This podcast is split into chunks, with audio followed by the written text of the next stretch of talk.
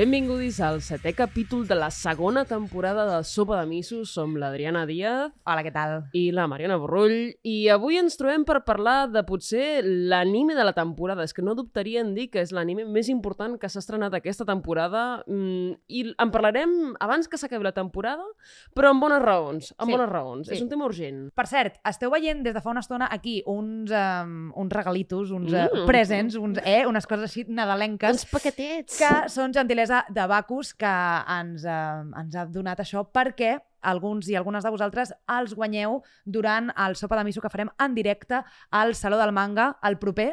El proper dia 8, a dos quarts de 5 de la tarda, que és el mateix que 4 i mitja, al pavelló 4, al Radio Music Stage del Saló del Manga de Barcelona. Efectivament. Llavors, amb aquests regals farem un amic invisible, que ja us explicarem allà com ho farem, però farem un amic invisible perquè alguns i algunes de vosaltres us emporteu aquests, aquests regals fantàstics de part de Bacus, que, per cert, a la descripció us deixem un link amb el catàleg de mangas que podeu trobar a Bacus. Així que aneu a fer-li una ullada, que jo crec que està molt bé el Hi ha catàleg que tenen allà. regalets allà també. I ja també hi ha regals. Uh, però, I a Adri part- Adriana, és que jo no puc venir al Saló del Manga perquè no tinc entrades, estan Com esgotades. Com Com, ho farem? Ah! Atenció, perquè regalem quatre entrades dobles per venir-nos a veure el dia 8 al Saló del Manga. Recordeu, a dos quarts de cinc us esperem al pavelló 4, preparats per fer un sopa de miso amb Amic Invisible i moltes altres sorpreses. Efectivament. Llavors, aquestes entrades que us acaba d'ensenyar Mariona Borrull les podreu guanyar si entreu al nostre perfil de TikTok, que quedarà per aquí en algun lloc que ens ho posaran. Llavors, ens haureu de seguir i comentar el vídeo que quedarà anclat a dalt de tot del perfil. Comentar coses boniques, per favor. Si us plau. I un cop dit tot això, doncs seguim, no? Avui venim a parlar de Chainsaw Man, o Chainsaw Man, no sé com... Chainsaw no sé com ho pregunta, o sigui, ho, ho diu la gent. L'home motosserra, eh, per, pels catalanoparlants. En efecte. Eh, que per començar a parlar una mica en profunditat, primer farem com un context de què és, per si algú hi ha algun despistat a la, al món que no sabeu què és Chainsaw Man, de debò, viviu sota una pedra, perquè està literal... Pots, pots no haver-la vist, però has de- t'ha de sonar, t'ha de sonar. Llavors, si no saps què és, jo t'ho explico molt ràpidament. És una sèrie de Tatsuki Fujimoto, del qual ara en parlarem, El senyor Fujimoto. senyor Fujimoto. La primera part d'aquesta sèrie eh, va sortir a la Shukan Shonen Jump entre el 2018 i el 2020, que és l'edició setmanal. Ah, efectivament. Un cop per setmana sortia un capítol de Chainsaw Man. I ara s'està publicant a la Shonen Jump eh, de manera telema bueno, telemàtica, virtual, eh, des del juliol del 2022. És a dir, que va haver aquí com una parada tècnica. Eh, ara mateix s'està fent una adaptació a anime eh, per part de MAPA, de la qual parlarem en breus instants. I atenció, perquè és una sèrie molt interessant, perquè el 2020 va batre un rècord que A vosaltres direu, quin rècord va batre? Un rècord que jo no estaria gaire orgullosa d'aquest rècord, que és que va ser la sèrie amb més morts en un any. O sigui, és la, el, el Juego de Tronos de, de De l'anime, una mica, sí. Vale, ok. I pensàvem que Shingeki era dur. Bueno, cordeu-vos els cinturons, amics, perquè eh, una altra cosa. Sí, jo això. recordo algunes escenetes de Shingeki de pensar, és que puja, això puja, puja... Exacte, exacte. Doncs no, no, no, no. Em sembla que Chainsaw Man serà bastant pitjor. En quant a on, on està situada aquesta sèrie? En plan, on ens situem? Ah, L'ambientació de la sèrie com a tal, ara parlarem de la Ah, sinopsi, sí, això és interessant. és molt interessant perquè resulta que els esdeveniments d'aquesta història que ara us explicarem a continuació tenen lloc al 1997, però no un 1997 com del, del multiverso, no? At, at, atenció, 1997 ja hi havia smartphones? No. No, acabava No. de néixer jo com aquell tio. Buah, és que, perdó, entre els panellets i els smartphones dels 90, eh, no. estamos muy bien. Els smartphones van arribar a principis del 2000. Clar, és veritat, és que jo recordo... bueno. Bueno, és igual, perdoneu, És eh? igual, Un telèfon de tapa. Eh, en aquest 1997 de Chainsaw Man és una línia de temps alternativa en la que la Unió Soviètica encara existeix, vale? i esdeveniments històrics com, per exemple, l'Holocaust no han passat mai. Buah, vale, Llavors ok. és molt estrany perquè ens trobem com en unes imatges amb, amb unes ciutats com molt reals, no? que podem sentir-nos identificats amb aquestes imatges que estem veient perquè podem reconèixer alguna, algun aspecte del Japó actual, Bueno, és Tòquio normal i corrent, en diríem. efectivament, però amb una línia de temps alternativa, el qual és bastant interessant. Mm. En quant a la història, per si algú no sap de què va tot això, eh, bàsicament aquesta història es desenvolupa en un món on els dimonis neixen de les pors humanes. Ah, sí, això és, això és molt bo. Això Cosa és que, molt bo. escolta, mm, en realitat té prou sentit, és a dir, són, són com... Vull dir, la, la manera de néixer els dels dimonis em sembla molt... Bueno, és el mateix que Madoka Màgica, no? Que els dimonis Exacte. neixen de la desesperació i com de les emocions negatives. Em sembla Exacte. que, clar, quan més por tens dels dimonis, més forts es tornen, Ah, no? efectivament, efectivament. Eh, llavors, aquests dimonis solen ser perillosos i malèvols, no? que el nom més o menys ja ho indica, i el seu poder és proporcional a la força amb la que s'incita aquesta por. És a dir, el que estàvem dient, no? Si tens molta por d'aquest... tal, Doncs es farà encara més fort, no? El dimoni manera. de les paneroles. És el boss final, Ai, calla, calla. segur, increïble. L'altre dia em vaig veure un al metro i, bueno, és igual. I de cop un noi molt amablement la va trepitjar. Eh, va ser... A més, ho tinc gravat en vídeo. perquè, perquè ho vaig... Perdoneu, eh? Perquè sense voler... O sigui, em, em va fer tanta fàstic que vaig, vaig immortalitzar aquest moment del nostre Sant, Sant Metro de Barcelona, no? Vale, era la parada o era dins un vagó? No, era dins d'un vagó. Va entrar, Ah, va que entrar, fàstic! va entrar en una, en, una, en una de les parades la panerola. I llavors, perquè parlant d'això? I, I llavors jo just em vaig posar a gravar i, va- i, i de cop un noi s'apropa i es veu el peu que fa i s'escolta, crec. I jo... Uh! Aquesta seria el meu boss final a Chainsaw Man. Pregunta, pregunta. No va causar el caos? No, la gent ho va, s'ho va... De fet, tots vam mirar el noi com approval, rotllo, gràcies, saps? En plan, jo estava en un raconet, allò com se, com se m'apropi, simplement començo a córrer, però perquè em fa molt de fàstic, no, no puc amb les paneroles, però vaig aconseguir solventar-ho prou bé. Vale, uh, Vull dir perdoneu que- per, per l'incís, pel parèntesi, però això és una meravella. Sí, sí, bueno, que a, Ok, la meva por, el meu dimoni, seria una, una panerola ge- gegant. Què passa, però? Que a vegades els humans, eh, que estan desesperats, eh, perquè tenen problemes a la vida, eh, fan pactes amb aquests dimonis i llavors passa una cosa molt, molt interessant, que és que pacten eh, parts de la seva ànima o parts de la seva vida o parts del seu cos, no? En plan, ens trobem amb personatges que han perdut un ull perquè li han donat a un dimoni o han perdut un braç perquè... La... Vull dir que és com una, una construcció bastant interessant. Llavors, què passa? Que hi ha unes persones, típic shonen, que s'especialitzen en caçar aquests dimonis que són pues, els Devil Hunters. Devil no? els, Hunter! els, ca- els caçadors de dimonis.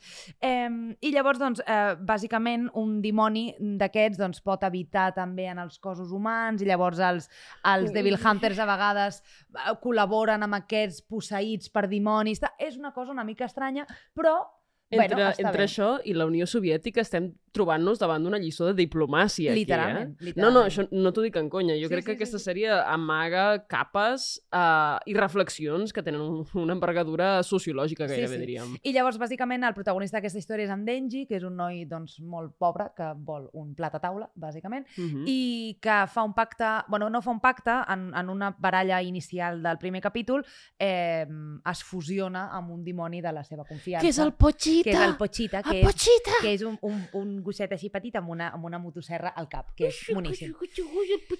I llavors, bàsicament, es fusionen i llavors ell el que fa és utilitzar aquest poder del Pochita per treure's unes motosserres del cap i dels braços i, de, bueno, en fi, és una cosa una mica, és una mica estranya. Llavors, la, la pregunta aquí és, tenint en compte que aquest anime, ara, us- jo us l'he explicat així, direu, ah, bueno, típic shonen, bueno, cuidado, típic shonen, perquè és un anime molt violent, Uh -huh. molt específic, eh, que veiem coses com que realment són desagradables a la vista humana.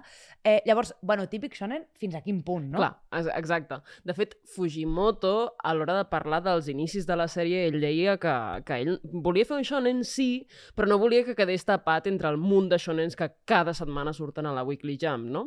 Llavors és com un... Què va fer? Va dir, bueno, anem a l'extrem, no? Si has de destacar, reina, val més que t'aixequis de la cadira. Mhm. Um, I el que va fer és fer una sèrie extremadament gore, extremadament dura i sobretot extremadament nihilista, que això és una cosa que és molt de Seinen, no? Per exemple, ens trobem amb aquestes sèries com Death Note, on tot el món és una merda, els humans són una espècie irreparable, la moral no serveix per res... Amb estructura de shonen, com deies, no? Personatges, arcs... De fet, si et fixes amb el trio protagonista, és Naruto, Sasuke, Sakura... L'únic que Sakura is gone wrong, eh? Exacte, exacte, exacte, exacte. Bueno, i Naruto també una mica. I, Naru i Naru bueno, és com que tothom és una miqueta Sasuke. Ahí està, ahí està. eh, bueno, deixem-ho estar. Sí. La qüestió és, fa els personatges completament nihilistes. De fet, la sèrie en si té un caràcter desencantat i un caràcter com això, desesperat, gairebé Mhm. diríem, que és, és molt, molt fort. I la cosa és, la sèrie és nihilista o és un comentari sobre el nihilisme? Però jo crec que això és interessant. Bueno, una cosa que parlàvem quan estàvem preparant aquest, eh, aquest eh, capítol, que a més a més que trobo que va ser, va ser a més un debat que vam dir no, no, no, aquest el farem, el farem en directe. Total. Passa una cosa amb Chainsaw Man que, en general, el teu típic shonen de confiança, no? Et presenta un personatge protagonista que t'agradarà més o menys. Sempre hi ha la broma aquesta de que mai el personatge preferit d'algú és el protagonista, En efecte. perquè és una cosa que passa, no? Eh, però en general no són personatges que caiguin malament, són personatges que et caurà, bueno, t'agradaran més o menys perquè, bueno, l'Itadori t'agradarà més o menys, però potser ets més fan del Megumi i llavors és, bueno, el meu personatge preferit de Jujutsu és el Megumi, però l'Itadori com t'ha de caure malament? És impossible que et caigui malament. Clar. Uh, el Deku de My Hero Academia, bueno, t'agradarà més o menys perquè potser ets més, ets més fan de Todoroki o del Bakugo, però com t'ha de caure malament el Deku, no? Tan noble ell, amb, aquestes, amb aquesta fermesa que té per millorar i per no sé què. I en canvi, Chainsaw Man què fa? Et presenta un personatge absolutament odiós que és el protagonista. Total, total. Perquè totalment. jo no tinc, o sigui, jo el Denji no tinc per on agafar-lo. No tinc per, o sigui, per mi, crec que Fujimoto ha fet aquí un exercici molt bo de dir et faré un shonen però odiaràs el protagonista, perquè aquest protagonista serà demencial. És que és pur caòtic... Uh... És que ni diria caòtic good, és neutral caòtic, així de clar. És, és el pur caos. I a mi això em sembla interessant perquè d'alguna forma, eh, o sigui, si ens fixem, per què odiem el, el protagonista, no? L'odiem perquè jo crec, jo crec, eh? La seva única motivació, per tant, tot el que el porta a lluitar i a cometre actes que són, en castellà diríem, deleznables, és que m'encanta la paraula. així de Deleznables. Deleznables. Sí.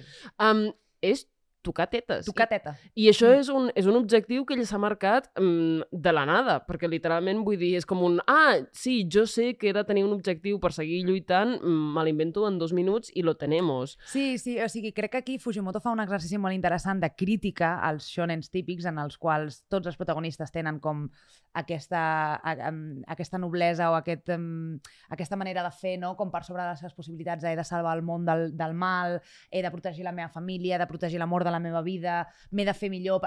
Tots tenen com aquesta part noble no? de, de voler-ho fer millor i en canvi ja, de fet, això ho diu el Denji en algun moment, en plan, és que tots els somnis han de ser supergrandiloquents, i no sé què, doncs pues el meu és tocateta, tio. I dius, Carinyo. vale, sí, però clar, i a més a més és molt interessant veure com Fujimoto, el somni del Denji, mm, petit spoiler de no res, el fa, o sigui, el fa realitat en el segon o en el tercer capítol. En efecte. Cosa que és molt interessant, no? Perquè al final, o sigui, portem mil episodis per saber si el Luffy serà el rei dels pirates i aconseguirà el One Piece, no? I encara aquesta cosa, aquesta, a, a, a, això que ell vol lluitar i que porta mil episodis lluitant per això, encara no ha passat. Portem mil capítols per saber si el Conan tornarà a ser nen, que és com el, el final boss no, del Conan, i en canvi el final boss del Denji era tocar teta, i això ho fa en el tercer episodi. Sí, total. Cosa que és molt interessant realment de Fujimoto. Bueno, i la sèrie mateixa, a través del personatge de Makima, t'està dient, vale, sí, pots tocar teta, però tocar teta no significa res, eh, excepte que li donis tu un valor, no? Efectivament. Vull dir, a mi això em sembla mm,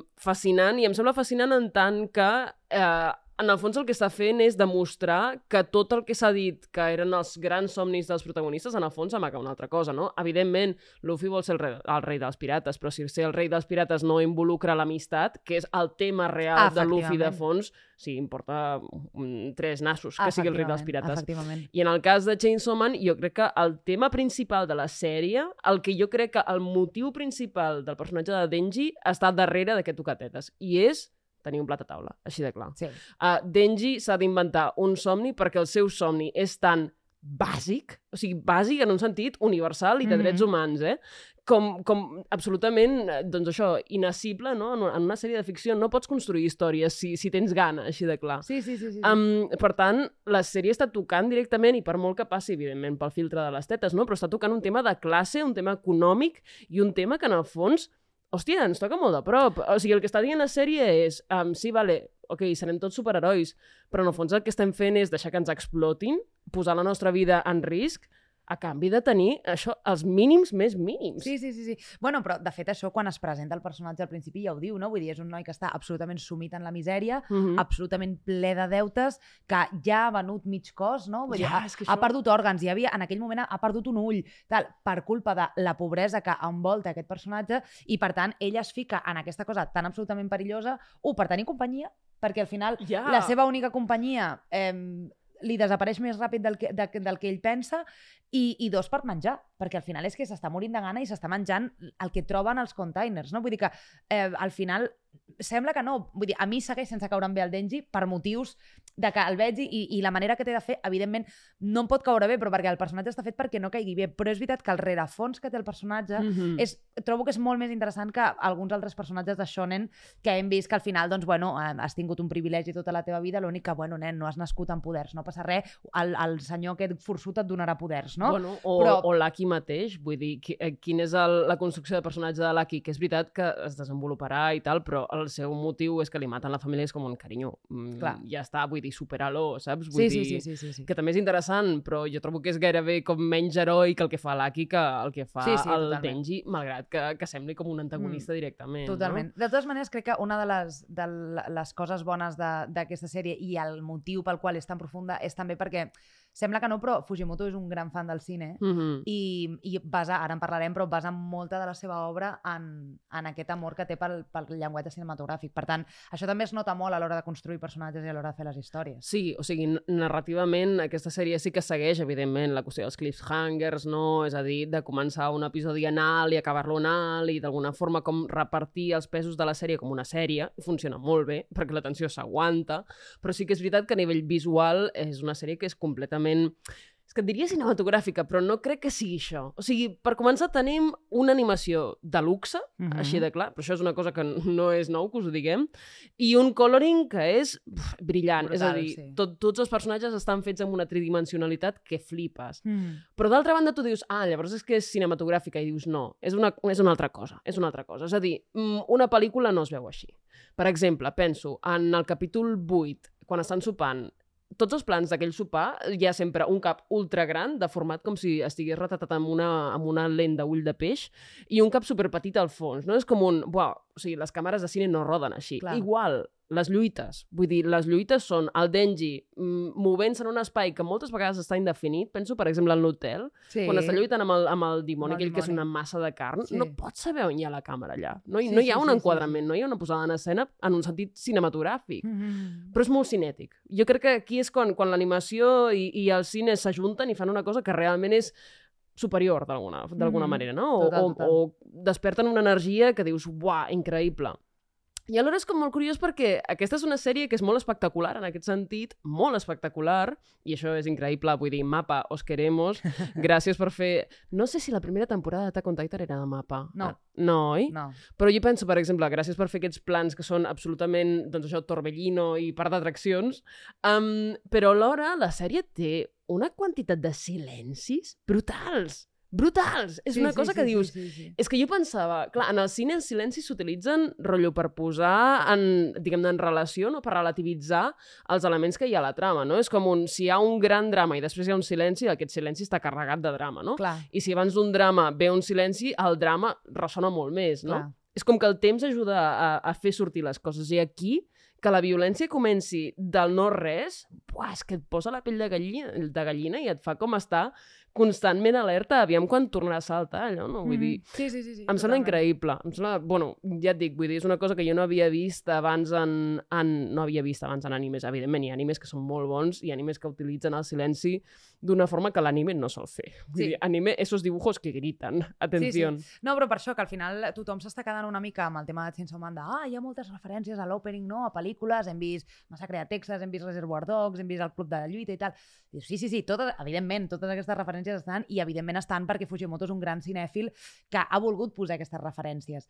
Però no només hi ha referències a l'opening, hi ha referències durant la sèrie, hi ha referències en els endings també, vull dir que no només és això, i també hi ha una manera de narrar i d'explicar les coses que potser a ull nu, d'alguna manera, no ho sembla, però ja us podem ben assegurar que no, les referències cinematogràfiques no estan només en l'opening, sinó que les podreu trobar a, tot el, a tota la sèrie, cosa que la fa molt més interessant del que ja és d'alguna manera. No? Som molt fans, es nota? Som molt fans. se, se nota? Se Tot i, nota? que, tot i que sigui molt desagradable, a vegades he de dir que val la pena. Oye, um, jo t'havia proposat que vinguéssim aquí avui i ens proposéssim, mai més ben dit, ens recomanéssim un anime per veure després d'acabar Chainsaw Man, perquè recordem que estem a punt, a punt de- d'acabar. Mhm. Per tant, um, quin anime portes?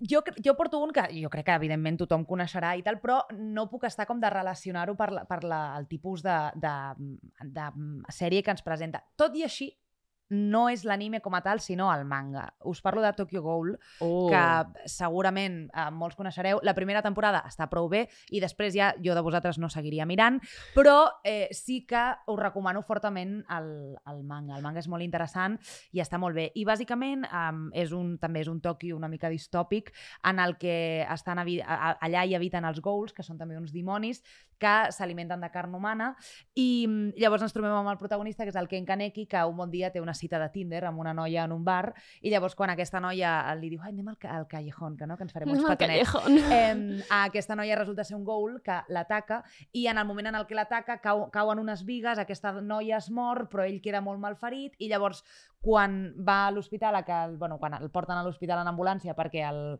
perquè el curin, resulta que li han transplantat òrgans d'aquesta mateixa noia que havia mort al seu costat, que era una ghoul, i llavors Ken Kaneki es converteix en un mig humà, mig ghoul. I llavors Sí. a partir d'aquí doncs, comença com tota la seva peripècia. És també, és, és, és molt fosca, és bastant violenta també. El Ken Kaneki, pobret meu, és un desgraciat de la vida, vull dir, és una cosa tremenda.